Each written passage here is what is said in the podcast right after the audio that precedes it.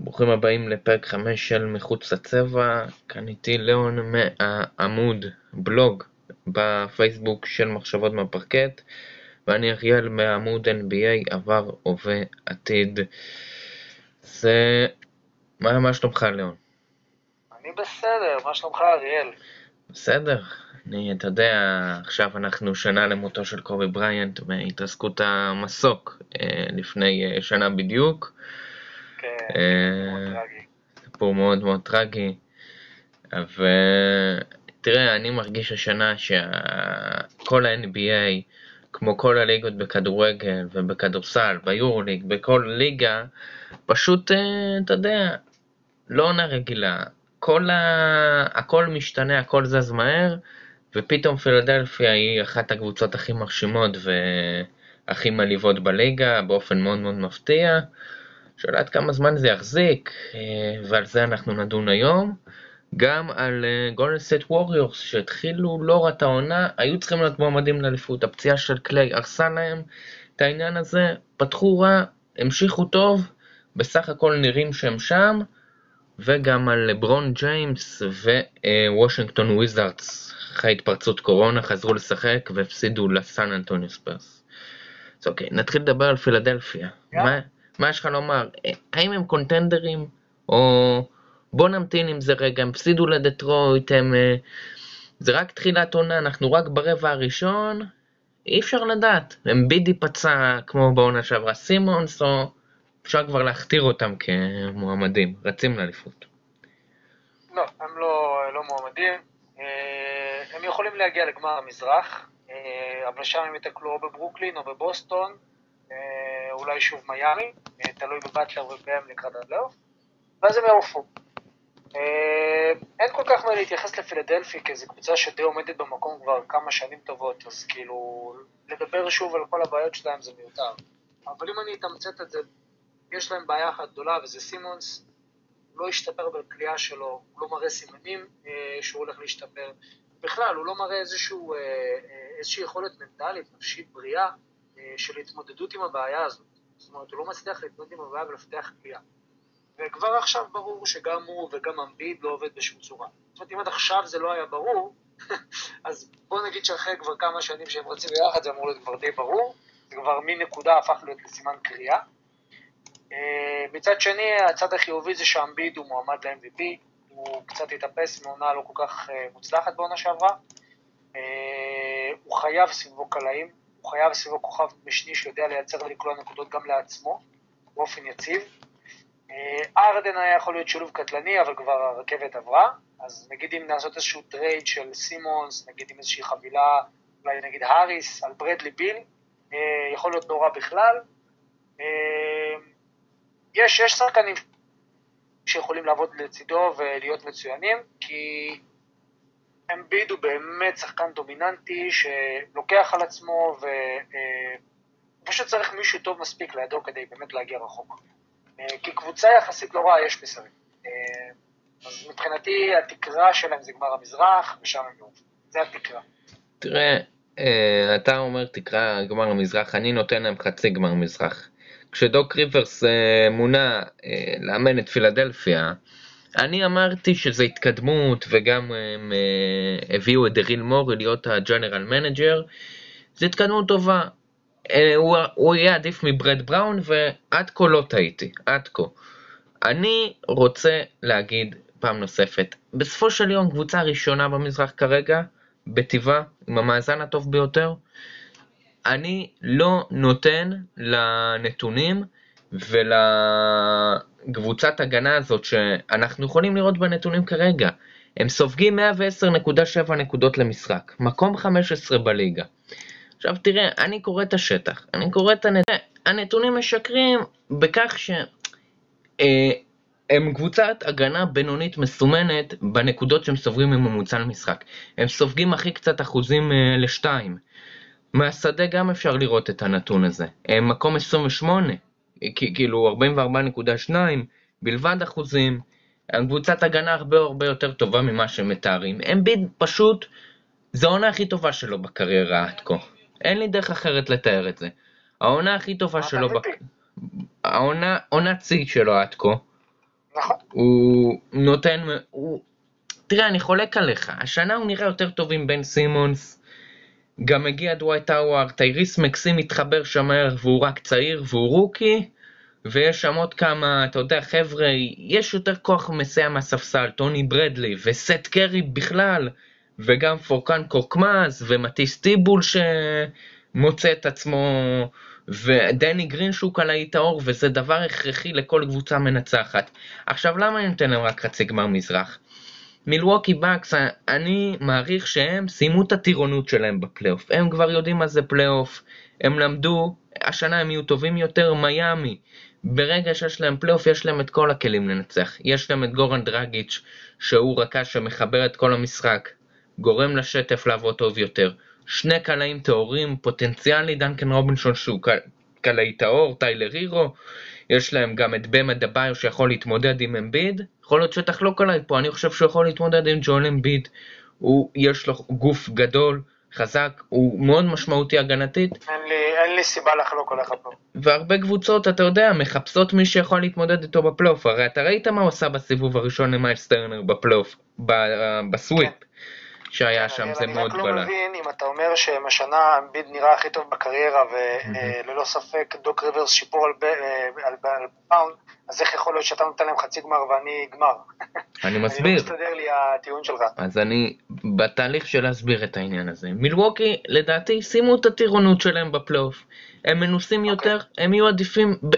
כאילו, אני אומר ברגע האמת מה יקרה. כרגע בעונה הסדירה, אנחנו עדיין בתהליך שהכל זז, אתה, אתה ראית, הרי היום הפסד לדטרויט ב-15 הפרש, 119-104 הפסדו פילי, אף אחד לא יכול לצפות את זה. ו...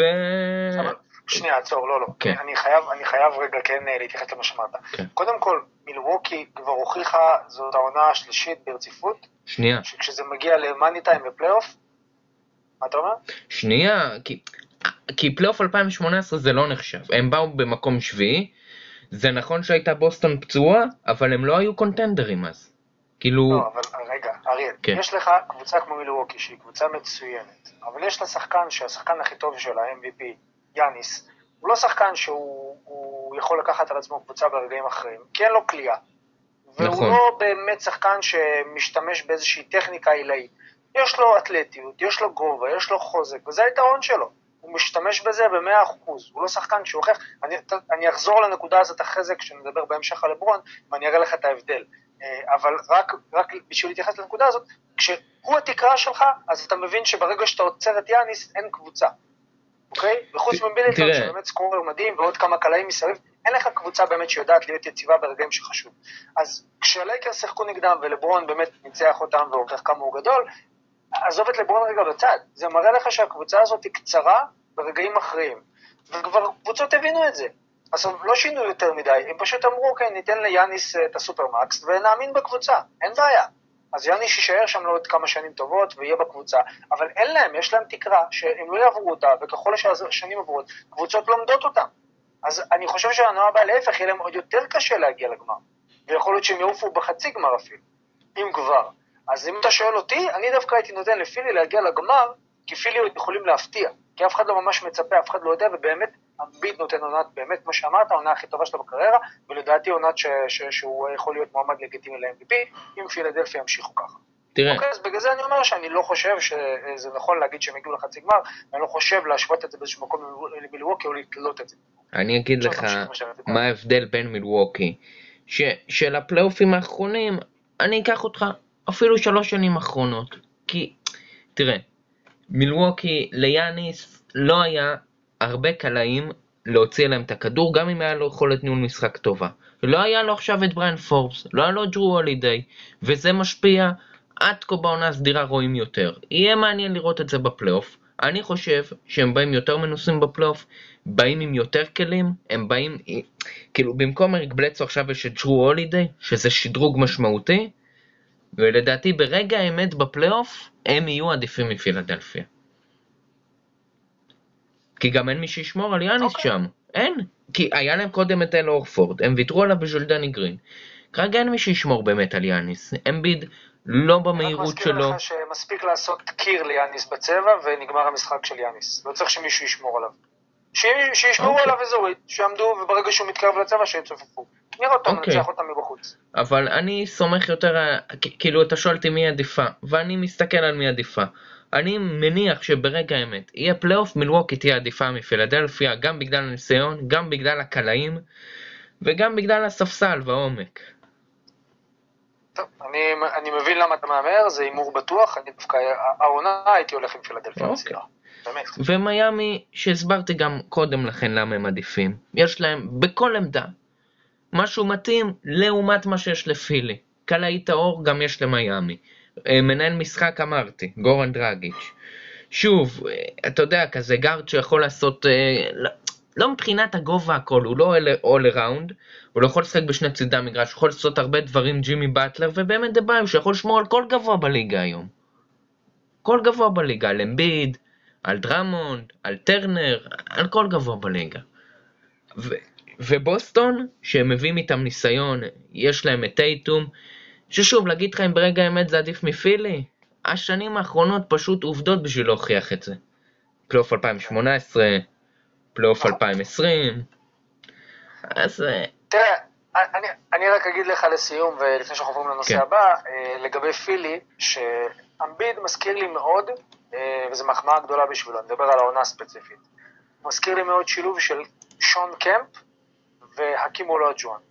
וזה באמת מחמאה גדולה בשבילו, כי יש לו גם את המובס ליד הסל, גם את הקלות רגליים היחסית שהייתה להקים, וגם איזושהי אתלטיות שהיא אה, אה, כזאת, יש לה איזה ברק כזה, כמו שהיה לקמפ. שוב, הוא לא אתלט כמו קמפ, הוא, לא, גם לא, אה, אין לו את המובס שהיו להקים, אבל כשאני מסתכל עליו הוא סוג של החלאה כזאת, ואם הוא משחק, ב, מגיע לתקרה של הפוטנציאל שלו ובונים סביבו קבוצה טובה, הם קונטנדרים אמיתיים לאליפות. אוקיי. Okay. זה פשוט לדעתי בזבוז של ה... באמת, של שנים טובות מאוד של אמביד אה, עם, עם סימונס בקבוצה הזאת. זה פשוט לא עובד, צריך לפרק את זה. אבל אני אגיד משהו עוד יותר מזה, שמגובה בהוכחות שאתה יודע, אין צורך להתווכח בשביל להוכיח אותן. עוד לפני ש... אחרי כל מה שהסברתי על פילי לעומת מילווקי. אני עוזב את מילווקי בצד. הרי דוק ריבר זה אומר לך הכל. מי ששמע את יתרון 3-1 בעונת, אה, בחצי גמר מערב 2015 בין הקליפרס לרוקטס. בחצי גמר הזה שהיה השנה, ב-2020, נגיד לך שהוא ייקח אותם לגמר המזרח, יכול להיות לטבעת, לרוץ לאליפות, אני לא נותן אפילו שום סיכוי. פשוט שום סיכוי. אמרתי לך, גמר מזרח זה התקרה שלהם. אוקיי. ואתה נותן להם אליפות מזרח פה? אם הם כבר מגיעים לגמר מזרח? הם יפסידו בגמר, הם יעופו בגמר. אוקיי. אמרתי, אם הם מגיעים בגמר, הם יפגשו רוב הסיכום או את ברוקלין, או את אה, אה, אה, מיאמי, או בוסטון, ושם הם יעופו ודאי. הם יגיעו לגמר, כנראה לסדרת הגמר, ויעופו. אוקיי, קשה לי להאמין שהם יעופו סיבוב שני, אבל הכל יכול להיות. אבל לדעתי התקרה שלהם תגמר והם יעופו שם. דעותינו חלוקות, ויהיה מאוד מאוד מעניין בשבועות הקרובים לראות מה יתפתח איתן, בין, עם פילדלפיה, שהיא במאזן הטוב יותר. אוקיי. יהיה מעניין לראות האם עוד שבוע, עוד שבועיים הם יאבדו גובה, לא יאבדו גובה, הם יישארו במקום הראשון, את זה כבר נראה. אה, נעבור לגולדן סטייט ווריורס, התחילו רע את העונה, המשיכו טוב, שוב מאבדים גובה עם מאזן 9-8, מקום 8 במערב, לפני כמה ימים היו מקום חמישי. אה, בואו, הם, הם כבר עם net rating שלילי, ב tier השלישי בהתקפה, ב tier, סוף ה tier השני בהגנה. בוא תגיד לי דעתך עליהם, אתה, אתה רואה את זה הולך לפלייאוף? לא. תראה, גולדן סטייט היא קבוצה, אני, אה, אני אשווה אותה לסוג של פורטלנד. אוקיי? היא קבוצה שיש לה דינמו מטורף בהתקפה, שזה סטף קרי, שבזכותו היעילות ההתקפית שלהם היא מאוד גבוהה, ושחקן כמו ויגינס פתאום נראית משכורת משני לא רע בכלל. מצד שני, היא קבוצה שסבלה מפציעה מאוד משמעותית העונה, בתחילת העונה, קליי שנפצע, אה, וזה שינה להם את כל התוכניות, אה, כי התוכנית שלהם הייתה לרוץ עמוק לפלייאוף, אה, ולנסות לאיים על ההגמוניה של הלוס אנג'לסיות, ומה שקרה שהשתנה, כל, כל התוכנית הזאת השתנתה. וכרגע יש לך רק את קרי, שבאמת נראה מדהים, למרות שהוא התחיל רע מאוד את העונה. אז אם אתה שואל אותי, ריאלית הם יסיימו מקום 6-8, אה, יעופו כנראה סיבוב ראשון, אה, כנראה, כי הם יקבלו את הלייקרס או את הקליפרס, אז כאילו אני לא רואה אותם עוברים אותם בסדרה. אה, תראה, הדבר היחיד שאני יכול להגיד שאולי ישנה את גורלם, זה אם פתאום ויגינס יעלה רמה, אה, ויגינס דווקא נראה לא רע בכלל, אה, אם פתאום דרמון גרין יתעורר וייזכר שהוא אה, שחקן שהיה חלק משושלת של גול של אלופים, ואולי, אולי, אולי, אולי פתאום עוד איזה כמה שחקנים יתעוררו על עצמם וישחקו טוב, יכול מאוד להיות שהם יגיעו למקום טיפה יותר גבוה, כמו שהם היו מקום חמישי, ואז יש להם סיכוי להתקדם נגיד לסיבוב שני בפלייאוף. אבל חוץ מזה, אני בריאלית לא רואה אותם, הם קבוצת סף פלייאוף כזאת, מקום 6-8, יגיעו, יקבלו בראש סיבוב ראשון ויעופו. אה, סטף קרי עונת קליעה מצוינת העונה לדעתי, MVP הוא לא ייקח, כי הקבוצה שלו לא תהיה מספיק טובה. אה, זהו, כאילו בעיניי הם לא, בכנות אני אגיד, כמה שזה נשמע מצחיק, בכל זאת הקבוצה הכי מעניינת עד לפני הפציעה של אה, קליי והמעבר של דורנט, ועכשיו אה, הם פשוט לא כל כך רלוונטיים, חוץ מקרי שבאמת כיף לראות אותו משחק, ובאמת נדיר, פשוט נדיר לראות קלעי כזה בלייב. אין שם יותר מדי, אז זו התקרה שלהם בעיניי. אז אוקיי. אה, תראה, אני יכול להגיד לך הרבה דברים על הנתונים היבשים, על אה, מצבם בהגנה, מצבם בהתקפה, net rating השלילי, על קלי אוברה ג'וניור, ועוד הרבה דברים על, ה, אתה יודע, על הספסל הלא מובן שם. כי אין שם באמת ספסל, אתה יודע, חזק, שיש לקבוצה שרצה לפלייאוף במערב. על הנייר יש קבוצות יותר חזקות מהם, יוסטון רוקטס קבוצה יותר חזקה מהם על הנייר, ניו אורלינס פליקאנס גם, איך במאזן הם פחות טובים? זה, אה, אה, פה הניסיון מדבר. פה הניסיון מדבר. עכשיו אני מסתכל על גולדן סטייט, זו קבוצה שתלויה בשחקן אחד, ואני אגבה את מה שאני אומר בעובדות. אפס דריבלים. כששחקן מסוים, לא משנה איזה, אני לא אומר סטף, אבל זה סטף במקרה הזה, בדרך כלל. כל המשחקים, אפס דריבלים כשהם מכדררים, הם קולעים באחוזים הכי גבוהים לשתיים, אה, הכי גבוהים באפקטיביות של השדה, באפקטיב field goals, הם, הם זורקים 25 וחצי זריקות לשלוש וקולעים תשע מתוכן, כשאין דריבל אחד, אה, הם שוב, זורקים מהשדה גם כמות אדירה של זריקות, הכי הרבה זריקות, 39.2 וקולעים אה, ב-45.1% מתוכן. תראה, הם לא אותה גולדן סטייט, זה ברור. גם כי קליי תומפסון לא שם, גם קווין דורנט לא שם, גם לא שחקנים, אתה יודע, שהיו משניים, אבל כשהם עוזבים אנחנו מבינים עד כמה משמעותיים הם היו. שאון ליבינגסטון ואנדרי גוודאלה, אה, שהיה מאוד משמעותי. ו... תראה, זה פשוט קבוצה של שחקן אחד, סטף קרי, שמפציץ ממוצעים מטורפים השנה.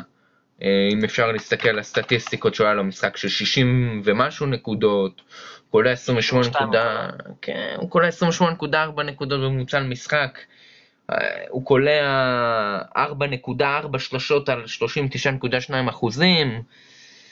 תראה, בלי... תזכור גם את הנתון הזה, תזכור גם כן. את הנתון הזה.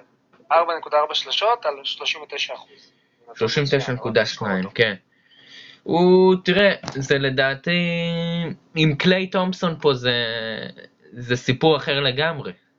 כאילו אם קליי תומפסון חוזר כמו שהוא היה קלעי טהור, מביא את ה-80% מהיכולת שלו כמו לפני הפציעה, הם היו קונטנדרים ברורים כרגע, ואני רואה אותם ברביעייה הראשונה של המערב מסיימים.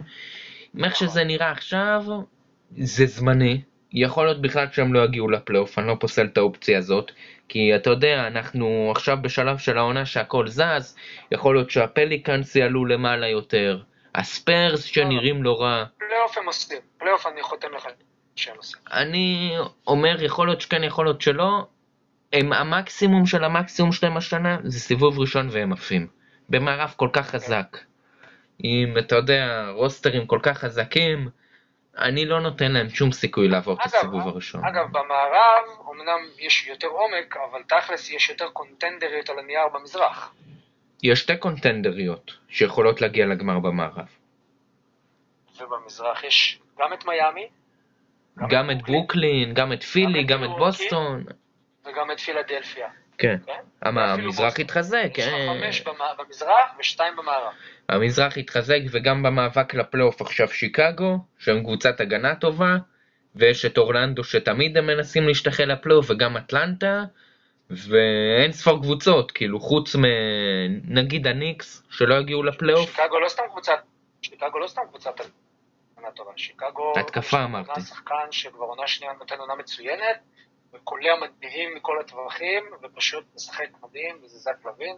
צריך לתת לו באמת קרדיט שהוא משחק מדהים. גם קובי ווייט נראה במגמת שיפור. גם קובי ווייט משחק מצוין, נכון. ובילי דונובן מאמן התקפי טוב,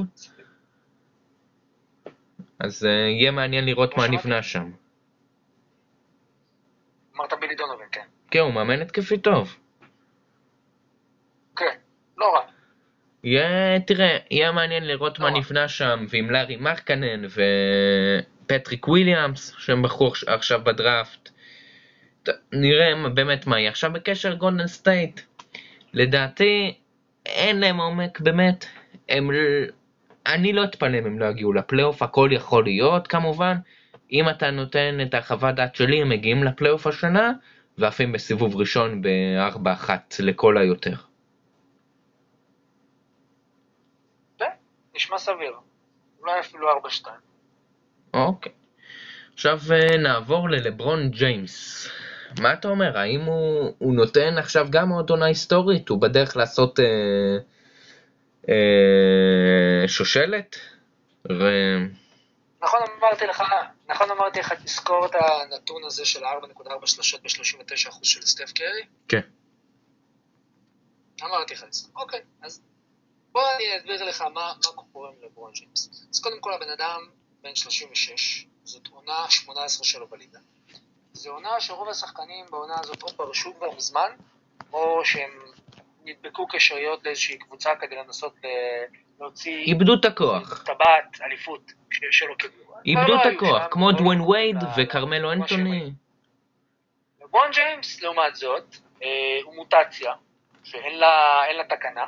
אה, הוא מסיים משחק עם 46 נקודות, שלשה שהוא כלה מהלוגו, שקבע 103.98, והוציאה את הרוח מהמפרשים של הקאבס, שזה אותם קאבס שחזרו על ברוקלין, והטריו המהולל, וניצחו אותם פעמיים ברצף. שסקסטון התפרע שם גם עם איזה 40 ומשהו נקודות, ופשוט תפר את הטריו. אז רק לעשות כדי להבין מה לברון עשה, מעבר ל-46 נקודות שלו, הוא סיים עם 21 נקודות ברבע הרביעי, 19 של כל הקליבלנד קוולירס. אוקיי? העונה שלו עד כה זו עונה של 25 נקודות למשחק, 8 אסיסטים ו-7.5 ריבונדים ו-50% מהשדה. עכשיו עד לפה סטנדרטי ללברון, נכון? כאילו אין פה משהו שונה. כן. אבל יש לו 41.2% מהשלוש, שזה הכי גבוה בקריירה שלו, וזה כולל גם על המון המון שלושות קשות מאזור הלוגו והבאזר, כשמסיימים משחקים הוא לוקח את הזריקות הקשות, ב-6.6 ניסיונות למשחק. והוא גם אוקיי? קולע הכי הרבה שלשות. אמרתי לך לזכור את הנתון של קרי. שים לב מה זה. אם הוא ימשיך בקצב הזה, אוקיי? זאת קודם כל עונת הקליעה הכי טובה של לברון אי פעם, ובעיניי, כאחד שצופה בו מאז שהוא הגיע לליגה, זה נראה שהוא השלים ב-100% את המעבר ממשחק שתלוי באתלטיות וכוח, למשחק שמבוסס גם על זה וגם על skill ויכולת קליעה מהטובות שיש בליגה. שזה בדיוק מה שחסר ליאניס. כי יאניס נמצא כרגע במקום שהוא תלוי לחלוטין באתלטיות ובכוח שלו, אבל אין לו שום skill וקליעה שמגבים את זה. ולברון כרגע הוא השחקן הכי שלם, לדעתי בהיסטוריה, אבל כיום הכי שלם בליגה, מכל הבחינות. ואם העונה, במידה והוא ימשיך בקצב הזה, ולייקרס ימשיכו לראות כמו, לראות כמו הקבוצה הכי טובה בליגה, והוא לא יקבל MVP העונה, לדעתי זה יהיה שוד לאור יום. זאת לחלוטין אחת העונות הכי מרשימות שראיתי עד כה אה, משחקן בעונה 18 שלו, וגם מבחינת הדומיננטיות שלו, גם מבחינת היכולת שלו להשתלט על משחקים, גם איך שהוא מוביל את הקבוצה, גם בהגנה וגם בהתקפה. דייוויס לא נראה ממש טוב בעונה, אוקיי? הוא נראה כאילו הוא משחק בהילוך, אה, לא יודע איזה הילוך. לברון פשוט באמת, אני, אתה יודע, נגמרו כבר הסופרלטיבים לשחקן הזה, אבל הוא פשוט מדהים, גם מה שהוא עשה למילווקי במשחק הקודם, מול יאניס, שהוא הראה לו איך סוגרים משחק ואיך משחקים ואיך קולים, וגם פה, כשאיזה מישהו בהנהלה עצבן אותו, בהנהלה של הקאפס, והוא ראה שהוא החטיא זריקה על הבאזר בסוף הרבע השלישי, ולברון קלט איזה אה, סוג של אה, אבישת שמחה שם, כי הוא ראה שהוא החטיא, הוא אמר אין בעיה, אני הולך להראות להם שיעור, ופשוט קלה 21 נקודות מול, מול, מול 19 של כל הקבלרס. אז יש, יש, אומרים יש רמות לגדולה, אה, אני חושב שלברון פשוט מראה שיש לזה לבלים, אה, והוא גם מטפס בלבלים האלה, ואתה יודע, גם אם שחקן יהיה הכי טוב בליגה, כמו שאמרו בעונה שעברה, או סליחה בעונה שעברה, בעונה לפני כן, טענו שקוואי הוא השחקן הכי טוב בליגה, או יאניס או MVP, יש, יש רמות בדבר הזה. גם אם הם איכשהו יגיעו להיות קרוב להתחרות בלברון כשחקן הכי טוב בליגה, ההשפעה שלו, הדומיננטיות שלו, ההבנה שלו, החוכמת, המכלול שהוא מביא איתו, זה משהו שאין לאף שחקן אה, בליגה, ואני לא חושב שיש, הוא יהיה, אולי יהיה, כן, אבל כרגע לא, וזה מתחרה לחלוטין בדומיננטיות של ג'ורדן שהיה בבולס, אה, רק שידע, אצל ג'ורדן הייתה דומיננטיות קצת שונה, ואני לא אכנס לזה עכשיו, על ההשוואות האלה, כי אני באמת לא רוצה, אבל uh, אני חושב שהוא באמת השחקן השני הכי טוב בהיסטוריה אחרי ג'ורדן, והוא פשוט מראה אין פה הרבה מה להוסיף מעבר. אוקיי, אני אגיב על uh, דבריך, ואני גם אגיד לך לאן לברון ג'מס מכוון. Uh, בוא נהיה זהירים לפחות בשתיים שלוש עונות הקרובות, לא כולל העונה הזאת. הוא מכוון לעקוף את קרים אבדול ג'אבר ברשימת קלעי כל הזמנים. הוא בדרך לעקוף את קרל מלון, והוא עם 34,694 נקודות בקריירה, קרים אבדול ג'אבר עם 38,387. הוא יכול לעשות את זה. אה, רק, רק, רק, זה אתגר. זה קארל, קארל מלון. קארל מלון. הוא יעקוף את קארל מלון. כן. אין שום ספק פה. קרים כן. אבדול ג'אבר... קארל מלון יעקוף נראה לי בעונה הבאה. הוא, הוא, תראה, גם אם לברון, אתה יודע, הוא יסיים שלישי, הוא שחקן היסטורי, הוא יכול לשחק בכל עמדה במגרש, הוא יכול להיות סנטר, להיות שחקן בקו הקדמי, power forward, סנטר, להיות גארד, הוא שיחק הרי בעונת rookie שלו כקלע אם אני זוכר נכון. והוא גם ישחק הרבה שנים small forward, ועכשיו הוא משחק רכז. הוא יכול לשחק בכל עמדה, הוא יכול לעשות הכל על המגרש, לקלוע שלשות, לקלוע מיד ריינג', לשמור, אה, עם הגב לסל, עם הפנים לסל, גם לקלוע, הכל, אבל אני אגיד לך למה, מה יזכרו לו תמיד, תמיד, ואולי יהיו פרשנים מסוימים שישימו אותו שלישי בהיסטוריה, זה עם כל הכבוד לו, שהוא משפר את כל השחקנים לידו, ומוביל את הקבוצה לכל ההישגים, והיא פורחת וצומחת, הוא, צעירים לא יכולים לצמוח לידו. ברנדון אינגרם זה, ההוכחה החיה לכך. אני לא, אני עוזב את קיירי בצד, שקיירי זה, אתה יודע, זה ניתוח, אה, אתה יודע, בפני עצמו, ואפשר לדבר על זה שעות. אבל ברנדון אינגרם זו הוכחה החיה למה צעירים לא יכולים לצמוח ליד לברון ג'יימס.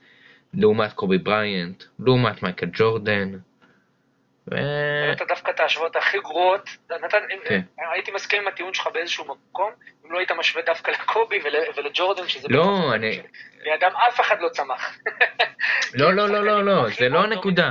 לוקחים את כל הזריקות, ודווקא לידם שחקנים צעירים לא פורחים. לא, אני רק אגיד לך, אני אסביר לך, טוב. אה, אה, זה לא נכון מה שנתת כדוגמה על אינגרם, אני אגיד לך למה. אינגרם לא שלא צמח. אינגרם זה שחקן שהוא מאוד מאוד מאוד תלוי בכדור ביד שלו. אם אין לו כדור ביד, הוא לא טוב. יש שחקנים שיודעים לשחק off the ball, יש שחקנים שיודעים להיות חלק ממכלול מקבוצה ולזוז. אינגרם לא יודע. אינגרם זה שחקן שהוא משחק כמו שמשחקים בשכונה. תן לי כדור ביד, אני אקח את הכדור לסל. אני אזרוק, אני אעשה תרגיל, אני אבוא. הוא לא מבין משחק קבוצתי. אתה לא תראה אסיסטים של אינגרם, אתה לא תראה מסירות חכמות שלו. פה ושם, כשהמאמן או כשיש תרגיל הוא יודע, אבל הוא לא, הוא לא שחקן ש, שמבין משחק. לעומתו, קיירי, כמה שהוא אגואיסט ואנוכי, כן מבין משחק, הוא כן יודע למסור, הוא לא אוהב לעשות את זה, אבל הוא כן יודע למסור והוא כן מבין משחק.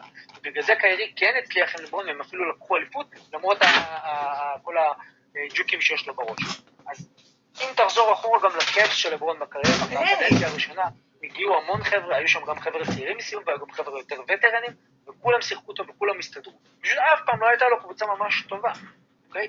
כשכבר הוא הגיע לפריים שלו ועבר למיאמי, אז כבר לא הייתה משמעות לצעירים, כי המטרה הייתה לקחת אליפות כאן ועכשיו.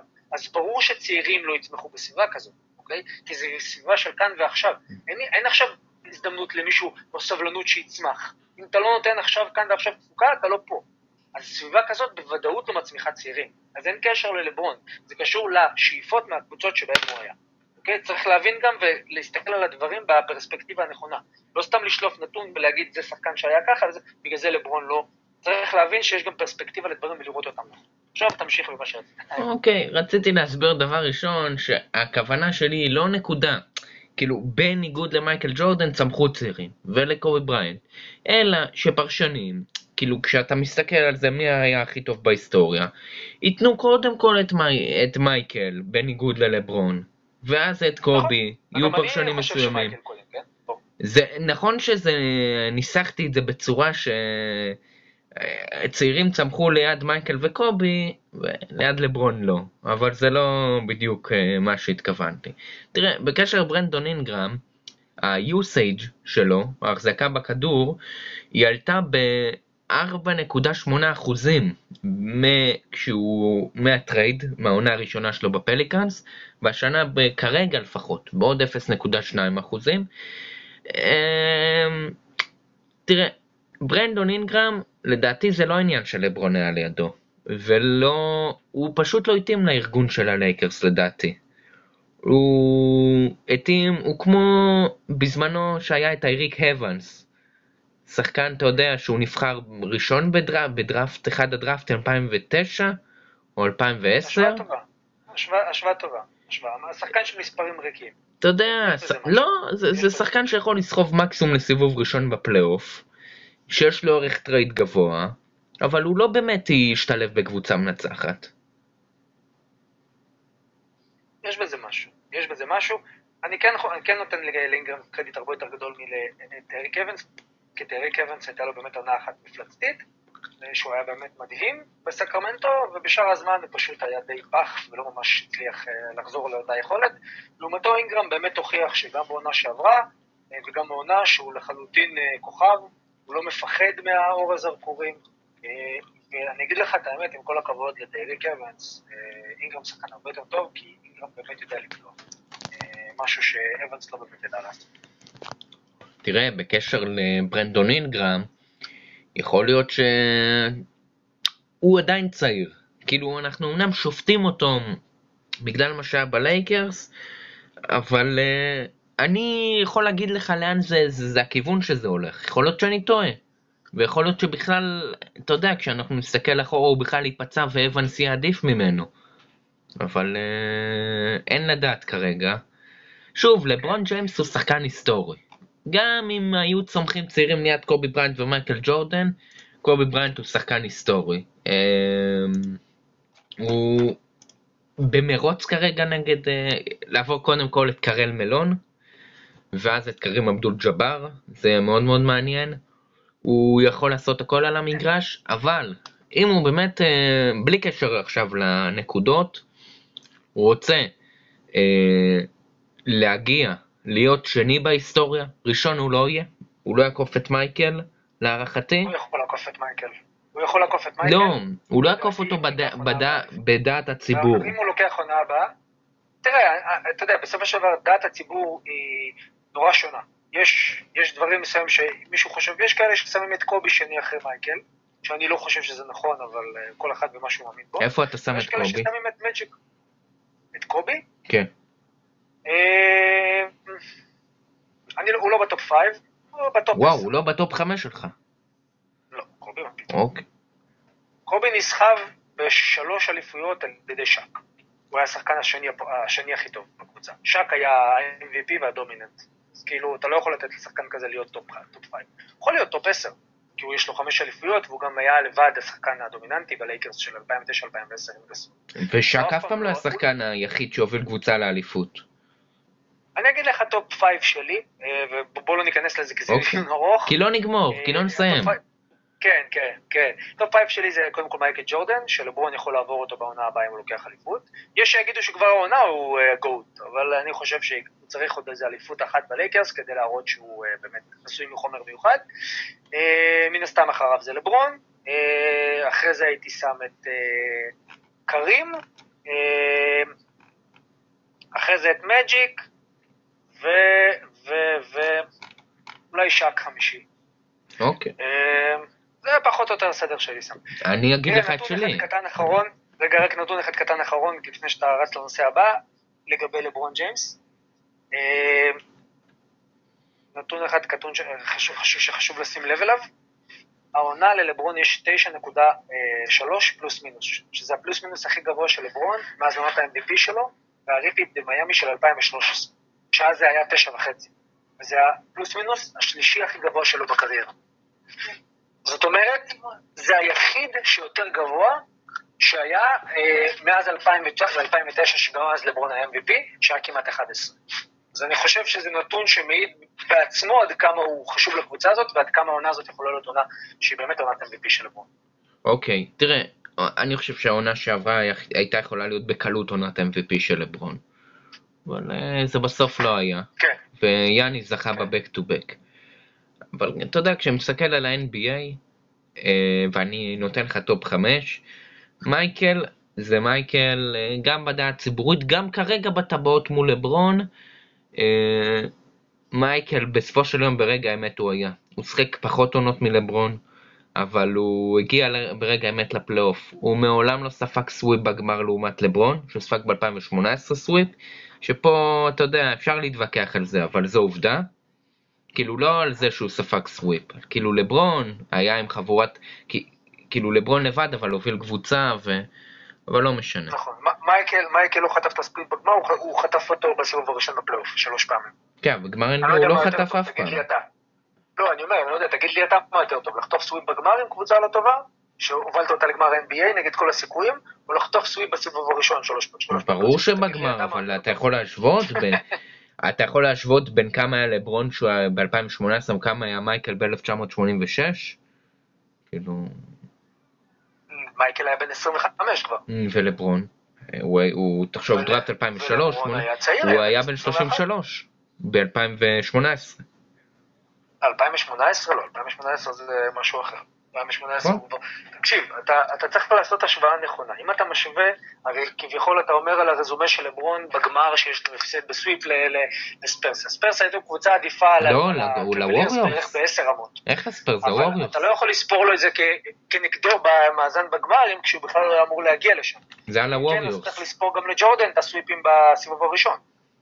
אז זה שג'ורדן לא הגיע לגמר לא מוריד מההישג של לברון. לא, לא אמרתי שזה מוריד מההישג של לברון.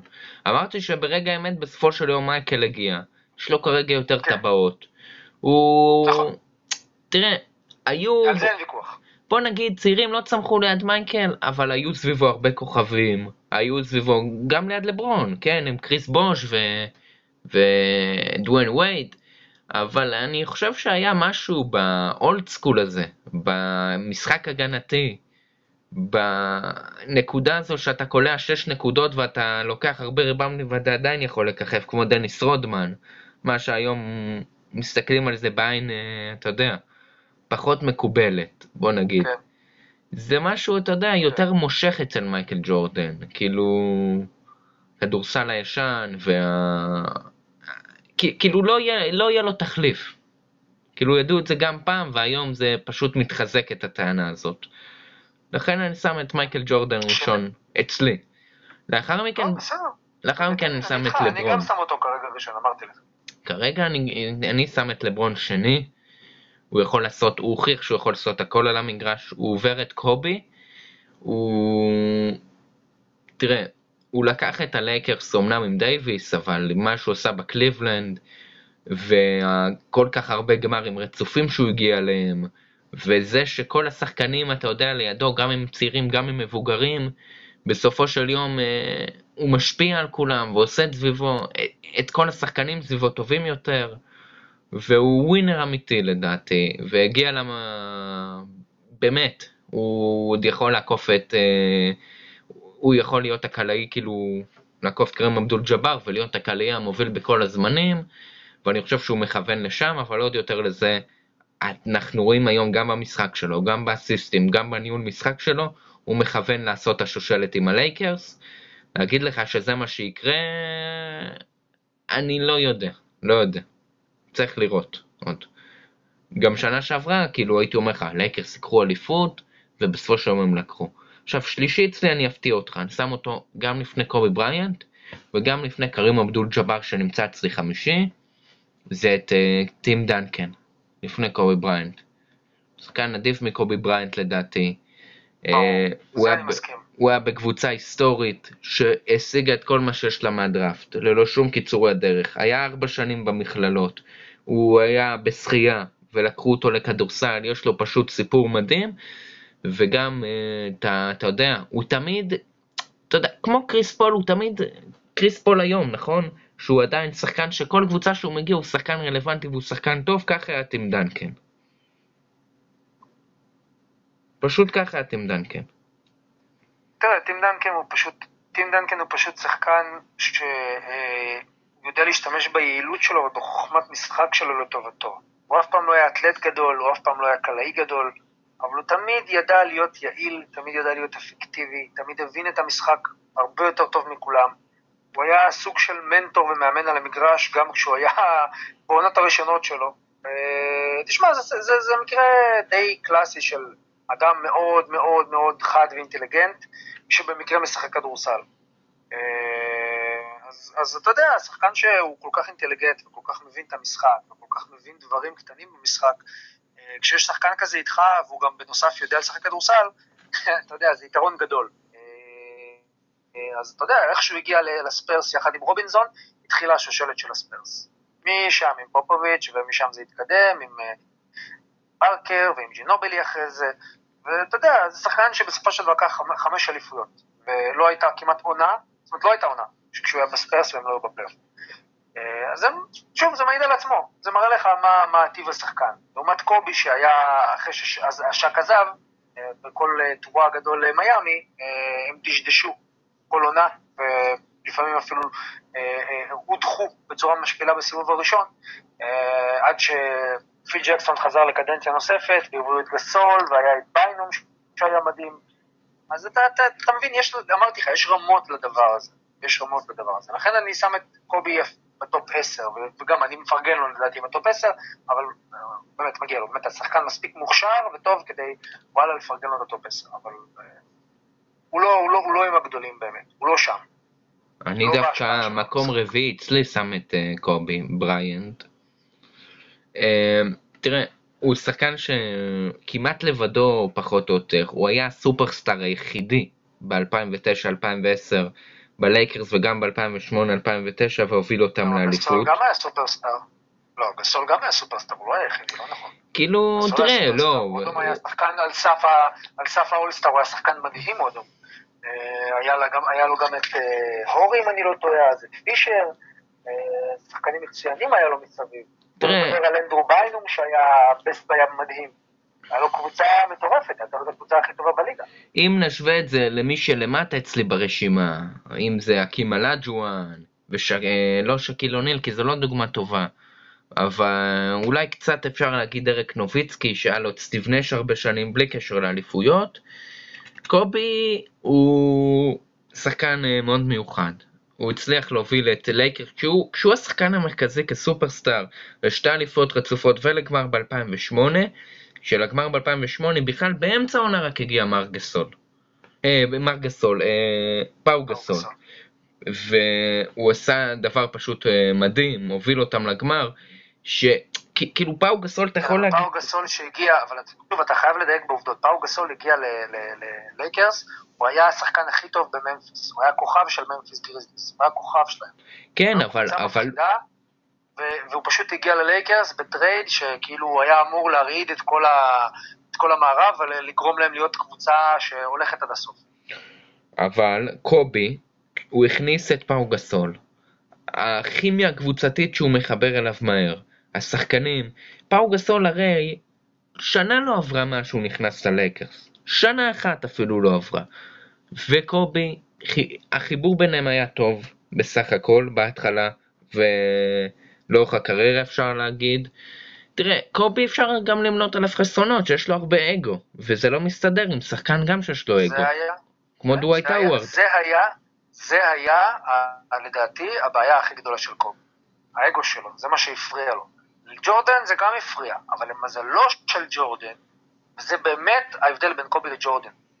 ההבדל ביניהם הוא שלמרות שלג'ורדן היה אגו בגודל שהיה לקובי, ג'ורדן היה מספיק חכם ולא עקשן כמו פרד, בשביל להבין שיש דברים שהוא צריך לוותר עליהם, ויש מקומות מסוימים שהוא צריך להעצים את השחקנים מסביבו, ולהבין שהוא חלק משיטה, ולא רק השיטה זה הוא, וזה מה שגרם להם כקבוצה אה, להגיע כל כך רחוק. כי ג'ורדן הבין בסופו של דבר שהשיטה זה לא הוא, שהוא חלק מהשיטה. אומנם השיטה מבוססת עליו ועל היכולות שלו, אבל השיט, השיטה זה לא הוא. קובי לא הצליח להבין את זה, אף פעם. הש, הזמנים היחידים שבהם הוא הצליח אה, אה, אה, לשחק טוב, או להיות כוכב, זה כשהיה מספיק כוח אש לידו, ומספיק שחקנים טובים, שיודעים להיות טובים גם למרות שקובי הוא אה, סוליסט. זאת אומרת, זה בהכרח היה בוויתור של אחרים, ולא בוויתור של קובי, שזה משהו שמייקל ידע לוותר דווקא, וקובי לא.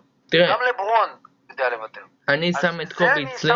בגלל זה אני שם אותו בקטגוריה אחת לפני. ועוד משהו אני אגיד לך, וזה חשוב לציין, כי אה, שלא יישמע כאילו אני לא אוהב את קובי, אני מאוד מעריך את קובי, אני מאוד מעריך אותו, אבל צריך גם לשים את הדברים על השולחן.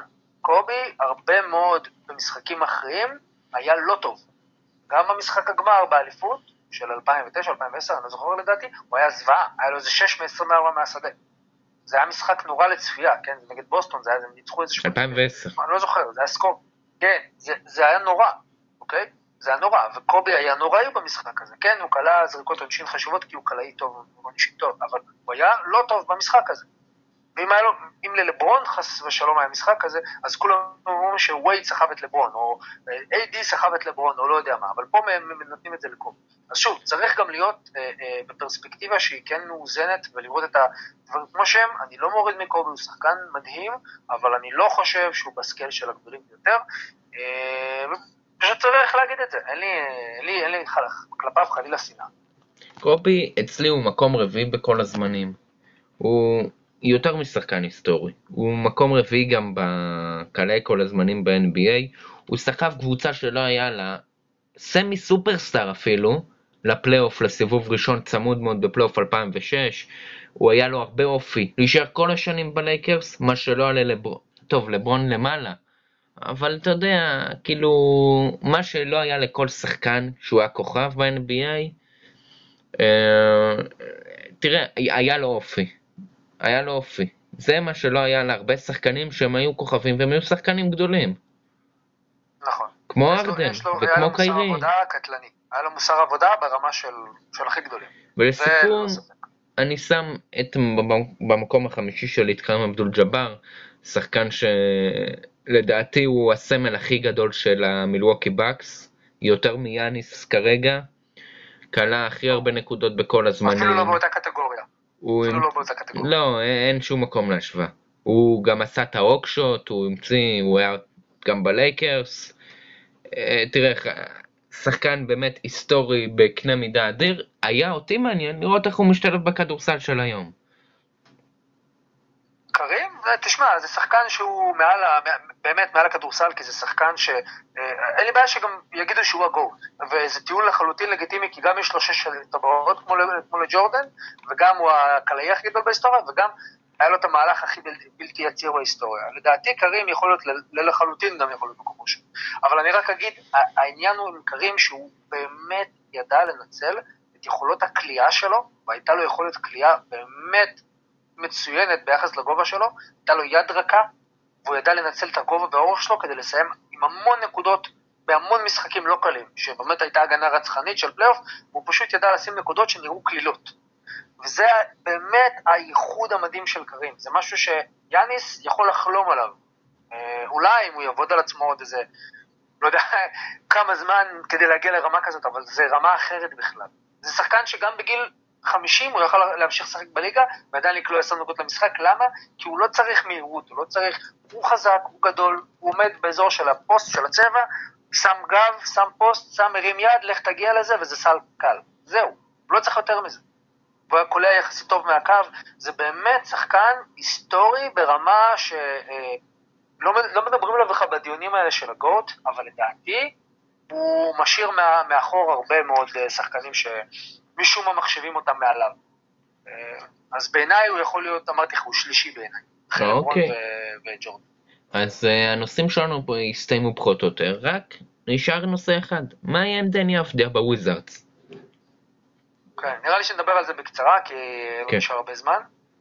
אז תן, uh, נשמע את דעתך. ו... תראה, הוויזארדס אה, זו קבוצה מאוד מסקרנת. באופן, אתה יודע, עקרוני, העונה שלה הזאת נראה הולכת לפלייאוף קל. היא קבוצה שהגיעה אליה ראסל ווסטברוק ב trade שהוא היה נראה על הנייר שהוויזרדס מנצחים אותו ללא שום ספק וכרגע אנחנו רואים שאף קבוצה לא מנצחת ב trade הזה כי ג'ון וול אה, פצוע רוב הזמן ברוקטס וראסל ווסטברוק לא רוצה לשחק אני לא יודע מה איתו בוויזרדס. זו קבוצת ההגנה הגרועה ביותר וקבוצת ההתקפה השלישית בטיבה בליגה היא תראה בהגנה היא נראית קטסטרופה. מאזן 3.9 עד כה. net rating מינוס 2.3. defensive rating 28 בדירוג הגנתי. בקצה של הסוף של הסוף של הסוף. ומוליכים את הליגה בהגנה מהסוף גם. עכשיו שוב, תומאס בריינט סיים את העונה. תראה, בקשר לדני אבדיה אני חושב שהוא השתלב שם טוב ברוטציה. יש שם הרבה צעירים, ולדעתי חבל שפשוט ווסטברוק שם, כי זה רק, לדעתי זה רק מזיק לו.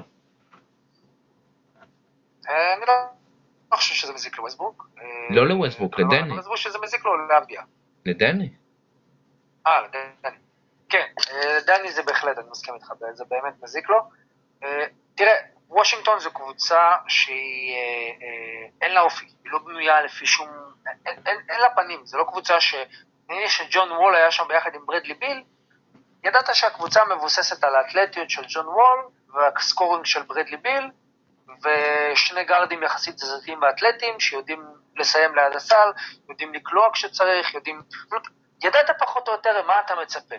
בוושינגטון כרגע לא ברור מה מצפה, כי יש את ברדלי ביל, שהוא הוא לא, הוא אפילו לא, אפילו לא מרגיש כמו שחקן בקבוצה, הוא מרגיש כמו נספח. כמו מישהו שפשוט בא, קולע 30 נקודות במשחק והולך. אם הוא יקלע את ה-30 או לא יקלע, זה לא ישנה לוושינגטון, כי הם עדיין יפסידו. ופה הנקודה שלי, שכשקבוצה היא באה בלי זהות, לא בהגנה, לא בהתקפה, אין מישהו שמלכד אותם, אין מנהיג, לא ברור מי, לא ברור מה, כל אחד מנסה להתבלט. האצ'ימורה מנסה להראות שהוא ה rookie הכי טוב. אה, תומאס בריינט שנפצע אה, היה באמת מצוין. אה, כל אחד מנסה להראות שהוא טוב, פתאום איך קוראים לו, ראול נטו הזה. כל אחד קופץ ורוצה להראות שהנה הוא שווה מקום, הוא שווה מקום. אז זה יותר קבוצה של אני בא להראות שאני יודע לקלוע, מאשר שאנחנו קבוצה בוא ננצח. אתה מבין? מנטליות של אנחנו קבוצה בוא ננצח, זה מנטליות שמנצחת משחקים. מנטליות של כל אחד בא להראות שהוא יודע לזרוק, זה לא קבוצה שמנצחת, זה לא מנטליות שמנצחת משחקים, והם גם מפסידים להרבה קבוצות פחות טובות מהם על הנייר. אוקיי? אז חשוב להבין שברגע שקבוצת כדורסל, כל המהות של כדורסל זה ספורט קבוצתי, לא חושבת כמו קבוצה, אלא חושבת כיחידים, זה תמיד יראה רע, אה, וזה אגב אחת הביקורות באמת היותר מדויקות או נכונות שיש כלפי NBA, שיש לא מעט קבוצות שנראות ככה. כי אין באמת תלקיט קבוצתי, אין באמת הבנה של משחק קבוצתי וחסימות ולתת כל אחד לשני, כי זה לא משנה אם אני אקלע 8 נקודות או 11 נקודות. ויש אנשים שכן חשוב להם שיראו בנתונים שיש להם דו-ספרתי בנקודות, לא משנה כמה זריקות הם לקחו. פה הבעיה, פה הבעיה מתחילה.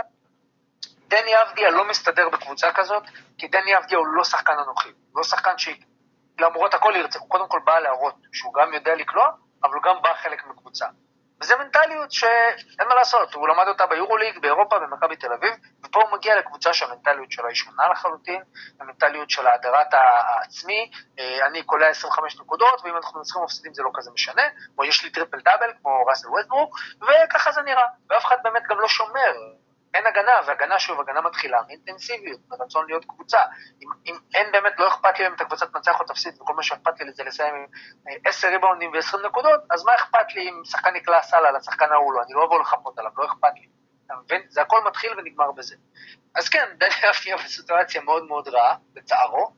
אה, אני רק מקווה בשבילו שבאיזשהו שלב כל הסיטואציה הזאת תיפתר, כי כרגע זה לא מועיל לו יותר מדי. אה, זה לא קבוצה שהוא יכול להתפתח בה, אה, זו רק קבוצה שהוא, אתה יודע, או לנפח סטטיסטיקות, או סתם פשוט לזרוק כמה שיותר כדי להראות שהנה קלטתי עשר דקות. כאילו, אין, אין חוץ מזה מה לעשות בקבוצה כזאת. אני מאוד מקווה שהתסריט ישתנה מתישהו, או שהמאמן יעוף ויביאו מאמן שיודע ללקט את השחקנים, או שפשוט ייפטרו מכל מי שלא צריך להיות שם. שבראש ובראשונה כרגע זה ווסטבוק. תראה, לסיכום, אתה הרבה התמקדת בהגנה, וגם אני, אבל אי אפשר להתעלם מהעובדות שרוב הכדורים שלהם בהתקפה הולכים לאמצע סוף שעון. כאילו זה, אתה יודע, מילא היינו עכשיו בווריורס, שאין לך שם יותר מדי שחקנים ליד סטף, יש לך, אבל פה יש את אה, רוי האצ'ימורה, ואת טרוי בראון, בראון ג'וניור, וברדלי ביל, ודני אבדיה, וראסל ווסטברוק, וגם היה תומאס בריינט, ויש עכשיו את אלכס לן במקומו, שהביאו מהשחקנים חופשיים, שפשוט אה, רוב ההתקפות, 57.5% מההתקפות, הולכות או ששחקן הולך לבד, או עם מסירה אחת. אין שטף משחק, אין סגנון משחק, ויש הרבה שמות. יש את מוריץ, נכון, וגנר וגם אייזק בונגה וראול נטו שהזכרת, ואתה יודע, יש הרבה קבוצות עם הרבה שחקנים צעירים, גם אה, סקרמנטו קינגס ומינוסוטה טימברולס, עם ים של שמות שאנחנו מסתכל, יכולים להסתכל עליהם ולהגיד איך זה, אתה יודע, איך זה לא מתפוצץ, כמו שהיה קודם עם הפיניקס, לפני שקריס פול הגיע לשם.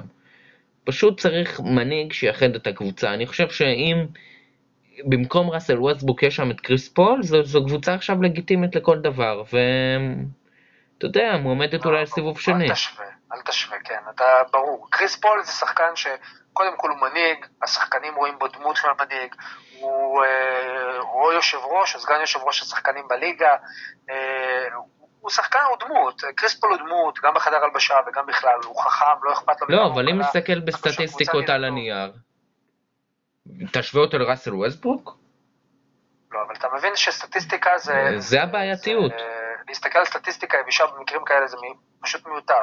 קריס פול הוא שחקן בכמה רמות מעל ווסטברוק. אה, ווסטברוק פשוט יודע לרוץ, לקפוץ, לנפח סטטיסטיקה, להעיף את כולם מהריבונד ולקחת ריבונדים, ולידות צלעים לכיוון הסל. אה, אני נשמע קצת, קצת עצוב איך שאני מציג את זה, אבל לצערי זה המצב. אה, כי הוא אף פעם לא הוביל קבוצה לשום מקום, קבוצות שהיו איתו או התרסקו לחלוטין, או איכשהו הצליחו להגיע לסיבוב שני וגום שוב. זה אף פעם לא היה קרוב למשהו שיראה כמו קבוצה מנצחת. כי זה עם כזה כדורסל טיפש, סליחה שאני אומר עוד פעם, לא מנצחים. קריס פול לעומתו, לא אכפת לו מסיים 10 נקודות, 15 נקודות או 30 נקודות. היה לו משחקים של 30 נקודות והיה לו משחקים של 10 נקודות ו-8 נקודות. אבל הקבוצה בדרך כלל, רוב הפעמים, או שתנצח או שתהיה קרובה לניצחון. הוא תמיד ידע לעשות את הפעולה הנכונה. הוא באמת, אתה יודע מה זה פלור ג'נרל? הוא באמת פלור ג'נרל אמיתי. וזה ההבדל. אם קריס פול, הלוואי והיה מגיע לוושינגטון, מבטיח לך שהקבוצה הזאת הייתה עולה רמה אחת למעלה, ופתאום כולם היו מתיישרים וכולם נראים הרבה יותר טוב. ואם אבל... אפשר לעשות גם סדר בדברים, אה, גם דריל מורי, שהוא general manager מדהים, אפשר להגיד, הוא ויתר יותר מדי בשביל ראסל ווסטברוק. אה, כן, אבל תראה, לא היה לו יותר מדי מה לעשות. כן, לא, לא היה לו דרך להשוות את החוזה לווסטברוק. הערך שלו רק יורד ויורד ויורד. אז יש לך כן. מניה מתרסקת, מה תעשה? אז המקסימום שהוא הוציא זה להביא את אה, ראסל ווסטברוק. שבזמנו זה היה נראה מדהים. נהדר לקבל על... שבזמנו עם קפלה וארדן וווסטברוק זה היה נראה קונטנדרים, ובסוף זה לא היה. אמ, ואתה יודע, חבל האופי הבעייתי של ארדן, באמת חבל. גם. אבל זה לפרק אחר. נכון. כן. כן, נהניתי מאוד לדבר איתך. אה, ניפגש בפרק הבא. אחלה של אה, פודקאסט היום, אחלה של פרק. תודה שאתה מארח אותי לך, ואולי נתראה בפרק הבא. יאללה, ביי. יאללה, ביי ביי.